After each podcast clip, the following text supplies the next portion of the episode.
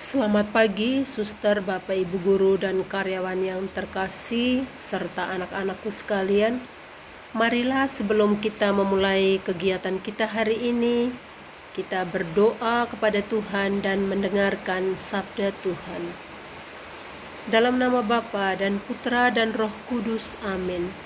Allah Bapa yang maha baik, syukur dan pujian kami haturkan kehadiratmu atas segala berkatmu yang boleh kami terima sepanjang malam tadi dan atas hari baru nafas kehidupan dan berkat kesehatan yang masih boleh kami alami.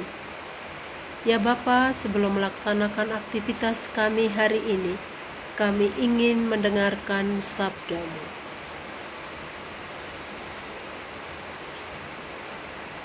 Bacaan diambil dari Injil Yohanes bab 12 ayat 1 sampai dengan 11. Dimuliakanlah Tuhan. Biarkanlah dia melakukan hal ini mengingat hari penguburanku. Enam hari sebelum Paskah Yesus datang ke Betania tempat tinggal Lazarus yang ia bangkitkan dari antara orang mati. Di situ diadakan perjamuan untuk dia Marta melayani dan salah seorang yang turut makan dengan Yesus adalah Lazarus. Maka Maria mengambil setengah kati minyak narwastu murni yang mahal harganya, lalu meminyaki kaki Yesus dan menyekanya dengan rambutnya, dan bau minyak itu semerbak memenuhi seluruh rumah. Tetapi Yudas Iskariot, seorang dari murid-murid Yesus yang akan segera menyerahkan dia berkata, Mengapa minyak narwastu itu tidak dijual 300 dinar dan uangnya diberikan kepada orang-orang miskin? Hal itu dikatakannya bukan karena ia memperhatikan nasib orang-orang miskin, melainkan karena ia adalah seorang pencuri. Ia sering mengambil uang yang disimpan dalam kas yang dipegangnya. Maka kata Yesus, biarkanlah dia melakukan hal ini mengingat hari penguburanku. Karena orang-orang miskin selalu ada padamu, tetapi aku tidak akan selalu ada pada kamu. Banyak orang Yahudi mendengar bahwa Yesus ada di Betania, maka mereka datang bukan hanya karena Yesus, melainkan juga untuk melihat Lazarus yang telah dibangkitkannya dari antara orang mati. Lalu imam-imam kepala bermufakat untuk membunuh Lazarus juga. Sebab karena dialah banyak orang Yahudi meninggalkan mereka dan percaya kepada Yesus. Demikianlah sabda Tuhan. Terpujilah Kristus. Suster, Bapak, Ibu guru dan karyawan yang terkasih kita mendengarkan kisah Injil pada pagi ini. Maria meminyaki kaki Yesus dengan minyak narwastu murni seharga 300 dinar. Menurut Matius bab 20 ayat 2 bahwa satu dinar adalah upah pekerja dalam sehari. Berarti 300 dinar sama dengan upah pekerja selama 300 hari kita dapat menyimpulkan bahwa memang minyak yang diurapkan oleh Maria kepada kaki Yesus itu adalah minyak yang sangat mahal harganya. Melihat peristiwa ini, Yudas Iskariot mengkritik Maria. Ia mengatakan, "Mengapa minyak itu tidak dijual saja?" Dan dibagikan kepada orang miskin. Dari sikap Yudas Iskariot kita melihat seakan-akan dia peduli kepada orang miskin. Tetapi Tuhan mengetahui apa yang ada di dalam pikiran Yudas Iskariot. Ia meminta minyak itu dijual supaya uang itu masuk di dalam kas yang ia pegang karena ia adalah seorang pencuri. Suster, Bapak, Ibu guru, dan karyawan serta anak-anak yang terkasih. Maria meminyaki Yesus adalah karena kasih dan ucapan syukurnya kepada Tuhan yang telah memberikan hidup bagi saudaranya Lazarus.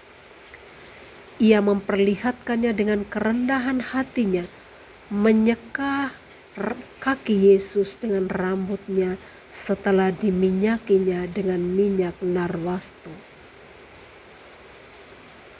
Yesus membela sikap yang dilakukan oleh Maria. Menurut Yesus, apa yang dilakukan Maria adalah suatu bentuk sikap kasih yang Maria berikan kepada Yesus. Maria mengorbankan dirinya dengan mau merendahkan diri membungkuk, meminyaki kaki Yesus, dan mengusapnya dengan rambutnya. Harga dirinya sebagai manusia dia rendahkan untuk menunjukkan kasihnya kepada Yesus. Maka perbuatan Maria ini menjadi refleksi renungan yang sangat berharga dalam kehidupan rohani kita.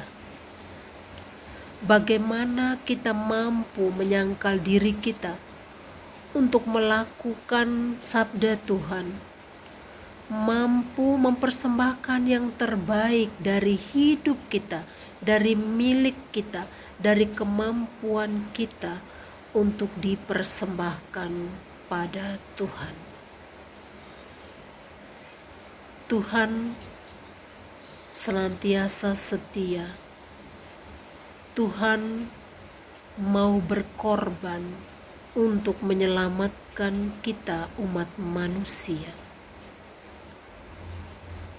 Maka, pada pekan suci ini, kita semua diajak untuk mempersembahkan yang terbaik dalam hidup kita untuk Tuhan.